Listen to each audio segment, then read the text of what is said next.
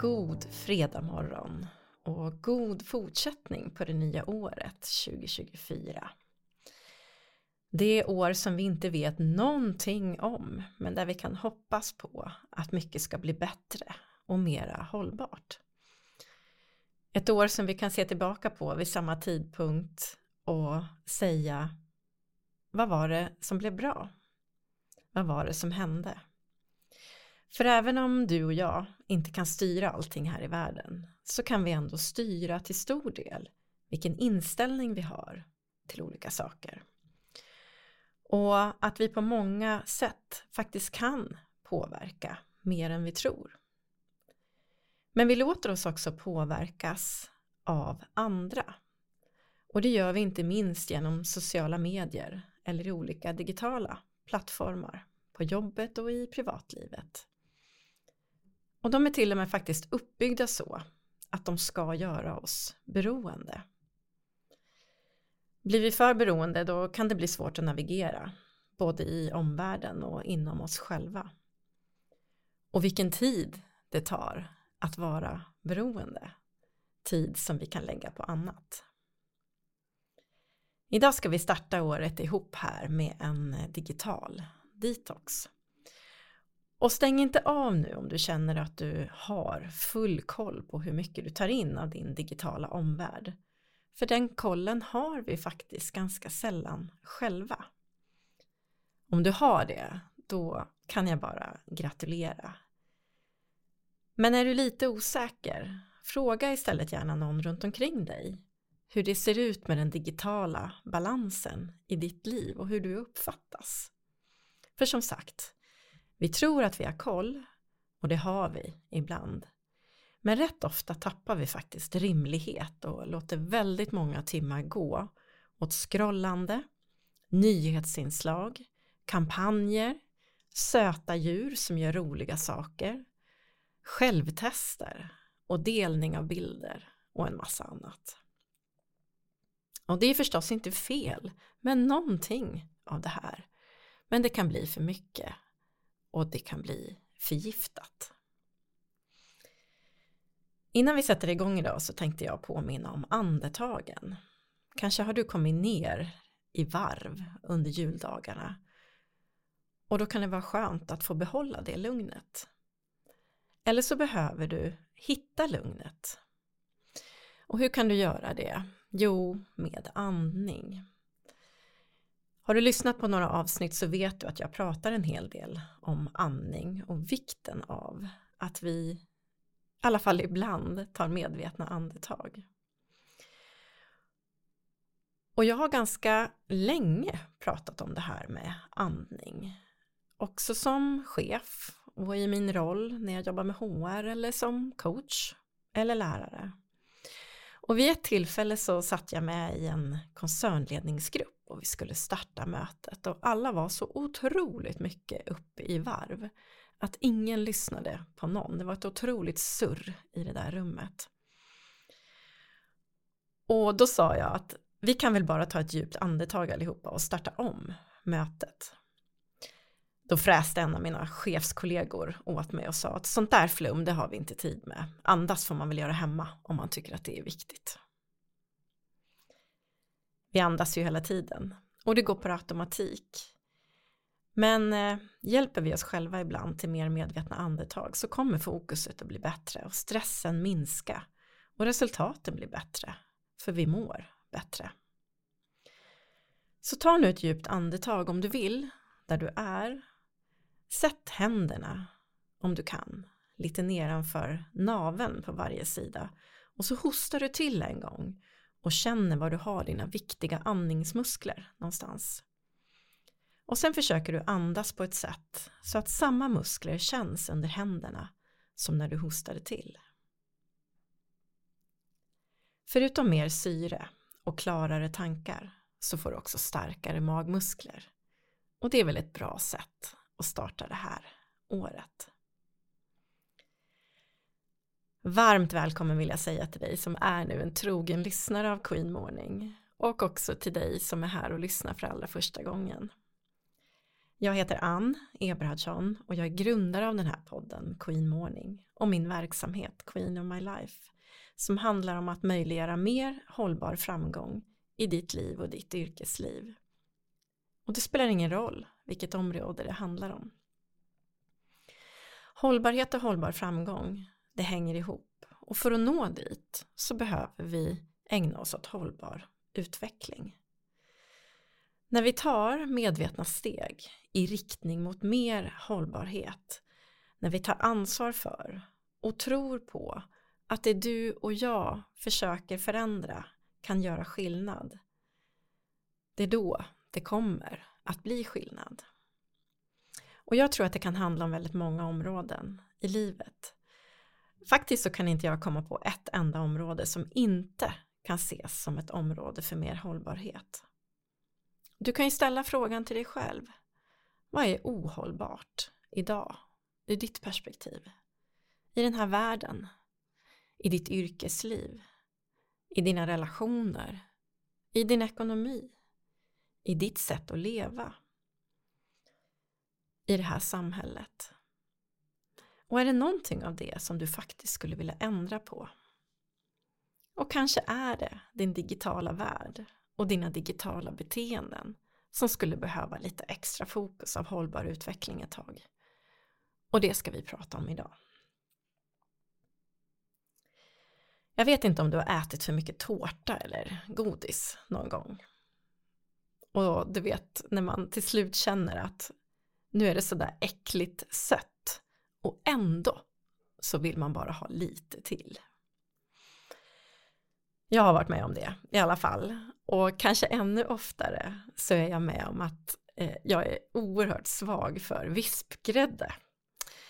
Så när jag dök ner i det här ämnet med detox så kände jag att mitt förhållande till vispgrädde kanske får bli nästa område för mig. Det här med digital detox, det har jag ägnat mig åt ett tag och jag ser sådana vinster med det själv att jag hoppas att du ska få med dig lite inspiration att eh, själv ta tag i det också om du har behov av det. Så vad är en detox då? Ja, en detox i sig, det är en förkortning av detoxification eller avgiftning som vi säger på svenska. Och det är en process när man försöker eh, minska mängden gifter eller skadliga ämnen i kroppen och den här termen används vanligtvis i samband med att kroppens egen naturliga förmåga att rensa ut och få bort toxiner, för vi har en del sånt inom oss. Och det finns olika sätt att genomföra en detox. Det kan ju vara att man behöver förändra sin kost eller öka ett vätskeintag eller ägna sig lite mer åt fysisk aktivitet eller göra andra livsstilsförändringar om det nu har handlat om att vi tillfört någonting som kan behöva rensas ut. Och målet då det är ju att stödja kroppens egna avgiftningsorgan som till exempel njurar och eh, levern. Och deras jobb att ta bort de här skadliga ämnena. Men vi kan också behöva stödja hjärnan och ögonen och öronen och hjärtfrekvensen genom att städa ut sånt i vårat liv som faktiskt påverkar de delarna i kroppen också. I en bredare mening så kan man använda termen detox också för tillfällig avhållsamhet från vissa vanor eller ämnen. Och jag läste faktiskt häromdagen i en artikel som en person hade skrivit för att ge sin framtidsspaning av 2024. Då sa den här personen att året som kommer nu, då kommer vi att köpa oss tid för att få hjälp med det som kallas för SoMe detox. Alltså hjälp med att befria oss ifrån avhållsamhet från sociala medier. Och först så log jag lite när jag läste det här men sen tänkte jag att det är ju många som upplever att de faktiskt sitter fast med handen i sin telefon. Somnar och vaknar i skärmens blåa sken och svarar på mejl ifrån badrummet, kollar på ett webbinarium samtidigt som man är med i ett annat möte fast på olika enheter. eller bara scrollar runt och runt och runt som i en rondell som man aldrig kommer ur. Så jag tänkte att för att ligga helt rätt i tiden enligt den här framtidsspanaren och framförallt att försöka få dig eh, att eh, tänka lite nya tankar för ett mer hållbart liv så blir det nu en digital detox. För en digital detox och minska användningen av de digitala enheterna kommer att främja ditt psykiska välbefinnande och framförallt ge dig mer tid som du kan lägga på annat. Adam Alter är en psykolog och författare som är känd för sitt arbete inom området digitala produkters beroendeframkallande egenskaper. Och han är också professor vid New York University Stern School of Business. Han har skrivit en bok eh, som bygger på forskning som han har ägnat sig åt och boken heter Irresistible, The Rise of Addictive Technology and Business of Keeping Us Hooked. Och eh, det handlar helt enkelt om att kopplingen till eh, digitala enheter, eh, digitala och sociala medier kan till slut bli så att vi inte kan stå emot. Och han utforskar hur appar och sociala medier faktiskt är utformade för att vara lockande och beroendeframkallade. Och så granskar han de här psykologiska och affärsmässiga strategierna som används för att hålla människor engagerade och fängslade. Han pratar också om eh, beroendeframkallande design och hur de här teknologiföretagen jobbar för att produkterna som de tar fram faktiskt ska göra att vi är alldeles klistrade vid våra enheter. Och det kan ju vara att det finns funktioner som pushmeddelanden till exempel, eller att man får en omedelbar belöning. Eller rent sociala element som att vi får gillanden och delningar. Och det gillar vi. Han har också tittat på hur en överdriven användning eller osund användning av digitala enheter kan påverka vår mentala hälsa och våra beteenden. Och att eh, det kan ha negativa effekter på till exempel sömn, vår koncentrationsförmåga och ett övergripande välbefinnande. Och så ger han också lite tips och råd kring hur man kan hantera ett digitalt beroende och skapa en mycket sundare relation till den här tekniken. Och så finns det också ett, en del i den här boken som handlar om etik och företagens ansvar när det gäller att utveckla och marknadsföra den här typen av produkter. Och den tycker jag är en jättespännande avsnitt. Men det är inte det vi ska prata om idag. Utan eh, vi ska ju just då prata om när man blir beroende. Och när vet man då att man är beroende? Och vad är ett beroende? Ja, för den som verkligen är beroende, det spelar nästan ingen roll vad man är beroende av, så tappar man faktiskt kontrollen över det och blir ganska bra på att intala sig själv att man har full koll. För att avgöra om man är beroende, det kan vara en ganska komplex process. Och dessutom så kan det variera i grad och påverka olika områden av ens liv. Och om du tycker att det är svårt att avgöra det här själv, då kan du fråga någon i din omgivning.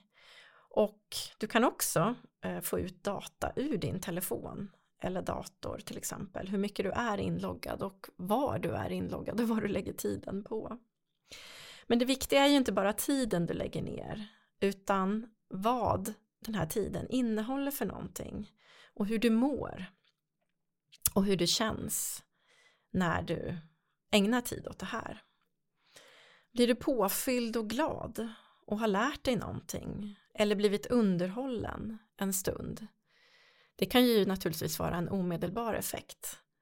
Men om det leder till att du inte kan sluta kolla, att du har starka vanor kopplade till din digitala värld och att handen åker dit så fort du får en liten lucka när du äter, när du sitter på toaletten, när du sover eller rättare sagt inte kan sova eller när du umgås med familjen. Och här är några tecken och signaler som kan indikera det här beroendet. Dels är det ju så att beroende väcker ju beroende så att eh, om du märker att eh, du blir aldrig riktigt nöjd, du vill bara ha mer och mer hela tiden fastän du vet någonstans i bakhuvudet att det här inte är helt sunt så vill du ha mer och mer. Den tid som du la på sociala medier kanske för en tid sedan, det räcker inte längre utan du behöver mer för att nå samma tillfredsställelse. Det kan också vara så att du känner abstinens eh, om du inte har de här digitala enheterna i närheten utav dig. Och man kan uppleva faktiskt både fysiska och psykologiska symptom utav det. Man kan bli irriterad, eh, få svårt att koncentrera sig eller känna sig stressad på olika sätt. Det kan också vara så att du känner att du tappar kontroll, att eh, det är väldigt svårt att eh, bryta mönster och att det är också svårt att sluta, även om du talar om för dig själv att nu borde jag stänga av, så kan du inte det. Alltså du tappar kontrollen. Och sen att du faktiskt märker att du blir trött. Det tar energi. Eh, du kan bli trött i ögonen, du kan bli trött i hjärnan av allt det här. Och ändå går det inte att sluta. Och det här kan ju leda till en massa negativa konsekvenser och en sån här konsekvens som eh, han lyfter fram det är att vi kan få svårt, eller svårare i alla fall, med mellanmänskliga relationer.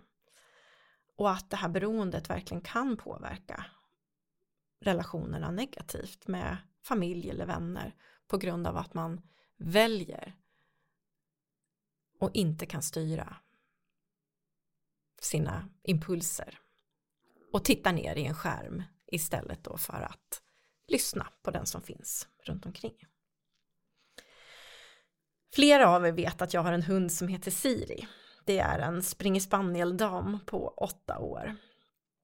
Och om jag tittar på min telefon när hon vill leka så skäller hon ut mig. Hon skäller inte så mycket annars men hon kan verkligen skälla ut mig och krafsa på mig med sina tassar och lägger fram boll efter boll framför fötterna på mig.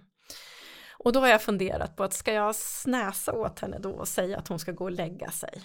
Nej, för varje gång jag tittar på skärmen så väljer jag ju bort henne.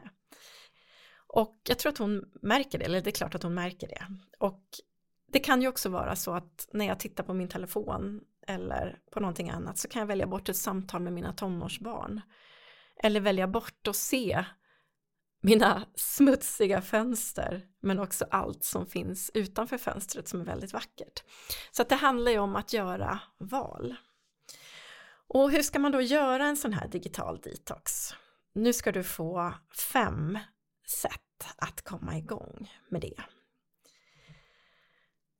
Det första handlar om att skapa en medvetenhet och bli medveten om hur mycket tid du spenderar online och reflektera över hur det påverkar hur du mår och ditt välbefinnande. Och här kan du som sagt fråga andra. Men du kan också mäta själv och bara försöka uppskatta tiden. Observera vad som är värdefullt och vad som inte ger någonting alls egentligen. Och sen kan du också behöva fundera över på vilket sätt du måste vara digitalt tillgänglig, exempelvis i jobbet. Och om det är otydligt så ta reda på det. Eller försök att hitta ett eget sätt att navigera i det och bestäm eh, vad tillgänglighet är för dig. Många gånger så har vi faktiskt orimliga krav på oss själva och stressar upp både oss själva och varandra genom att tro att eh, jag måste reagera nu. Jag måste svara nu. Jag behöver skicka iväg de här frågorna nu. Jag behöver komma vidare nu. Eller om jag inte svarar dig så kommer du inte vidare nu. Men vi kan ju ställa oss frågan, kan det här vänta? Eller kan jag göra det på ett annat sätt? Måste jag vara tillgänglig jämt? Och varför? Eller varför inte? Här handlar det om att kunna sätta upp gränser på olika sätt. Gränser som skyddar dig själv men som också skapar tydlighet för andra runt omkring. Så medvetenheten är viktig. Nästa steg är att städa, börja städa och rensa för att sen kunna skapa digitala pauser. Och här kan du behöva gå igenom plattform för plattform. Det kan vara mail, det kan vara sociala plattformar, chattar av olika slag, eh, sms-trådar, rensa bort prenumerationer som ligger på nyhetsbrev eller andra saker som du får regelbundet. Justera notiserna. Du behöver kanske inte ha notiser på allting eller inte ens något. Eh, ta bort sånt som du inte följer längre, som inte är intressant. Städa, städa, städa. Och sen när du har det absolut viktigaste kvar, då vet du att du har det viktigaste kvar. Och planera för regelbundna perioder under dagen när du stänger av eller lägger bort de här elektroniska enheterna för att återhämta dig. Man kan ju säga ibland att man behöver ställa sig upp och röra på sig med kroppen under en arbetsdag för att eh, ja, inte få ont helt enkelt. Och på samma sätt så kan du behöva lägga ifrån dig dina digitala enheter, stänga av i några minuter. Och det här kan man behöva träna på i kortare stunder. Nästa del handlar om att skapa skärmfria zoner. Att införa skärmfria zoner i ditt hem till exempel, som sovrummet eller runt matbordet för att främja det här med avkoppling och bättre relationer. Man kan också ha skärmfria dagar. Jag ser till exempel inte på skärm när jag äter. Jag mår inte bra utav det. Jag märker att jag äter mycket mer eh, stressat, jag tuggar hårdare och jag kan också få ont i magen efteråt så att jag har slutat se på skärm när jag äter. Jag har också bytt ut väckarklockan i telefonen mot en vanlig väckarklocka i mitt sovrum och sen har jag själv bestämt mig för att jag får inte ha jobbdatorn igång från fredag kväll till söndag kväll. Och det är mina egna regler och gränser. Och du kanske har behov av helt andra. Men att skapa skärmfria zoner, det är ett bra sätt, tycker jag i alla fall, att eh, skapa ro och frid runt det här med digitala enheter. Du kan ju också behöva fundera på vad händer om du lämnar datorn på jobbet när det är dags att gå hem ifall du varit på kontoret? Och kan du ha ett rum hemma eller en plats hemma där alla sådana här digitala enheter finns där du också kan lägga undan dem?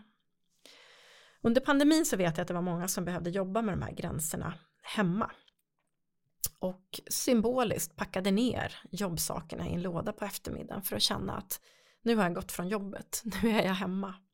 Och jag tror att det här kanske kan behöva göras fortfarande i våra liv. Nästa steg handlar om att fokusera på aktiviteter utan skärmar. Alltså hitta aktiviteter som inte involverar digitala enheter som att gå på promenad, läsa en fysisk bok eller träna. Kan du gå på gymmet utan att ha en träningsapp igång? Kan du läsa en bok utan att kolla på telefonen emellanåt? Kan du gå på en promenad och faktiskt lämna telefonen helt hemma. Och sista delen handlar om att identifiera dina hinder och att möta dem. Som med de flesta förändringar vi vill göra så behöver vi först se vad det finns för hinder för att lyckas. Annars så kan det bli så att du detoxar några dagar och sen så äter du vispgrädde med matsked igen om du förstår vad jag menar. Bildligt talat förstås. Vi behöver lära oss nya beteenden, träna på nya beteenden och se vinster med dem för att kunna släppa det vi sitter fast i. Och här kan en nyckel faktiskt vara att använda sig av kommunikation, både för sig själv och för sin omgivning. Och tala om för sin omgivning att jag läser mina mejl, men jag gör det två gånger om dagen. Eller jag tar inte med mig jobbmobilen hem på kvällen.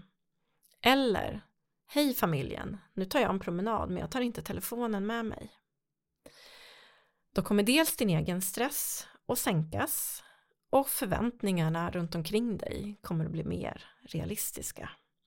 Och du kan ju tänka själv om någon skulle säga nu är inte jag nåbar i två dagar. Inte skulle du störa den personen. Om någonting skulle hända, då försöker du ju lösa det ändå. Och jag tänker att de tillfällen som det handlar om liv och hälsa, då kommer du att få reda på det som behövs ändå. Jag tror att vi behöver lämna varandra i fred, men också lämna oss själva i fred och kommunicera det mycket tydligare. Och då behöver det också vara tydligt för dig själv. Till exempel som jag har gjort. Jag ser inte på skärm när jag äter. Jag tar inte med telefonen in på toaletten. Det skulle också kunna vara jag hämtar inte på förskolan med telefonen i handen och ljudet på. Eller jag går inte på konsert och ser den genom min kameralins på telefonen. Hur ska du då starta din detox? Vad behöver bli mer hållbart i ditt liv? Vad längtar du efter? Längtar du efter mera tid till att göra annat? Bättre sömn? Bättre relationer? Hjärnvila? Ögonvila? Eller mer genuina upplevelser? På egen hand eller tillsammans med andra? Och nyheter, det behöver du inte ta in mer än max en gång per dag. I en värld där det mesta går att följa i realtid så minskar vår förmåga att faktiskt göra någonting åt allt det här i världen så att det kan bli bättre. För vi fastnar i ständiga uppdateringar, bilder och berättelser.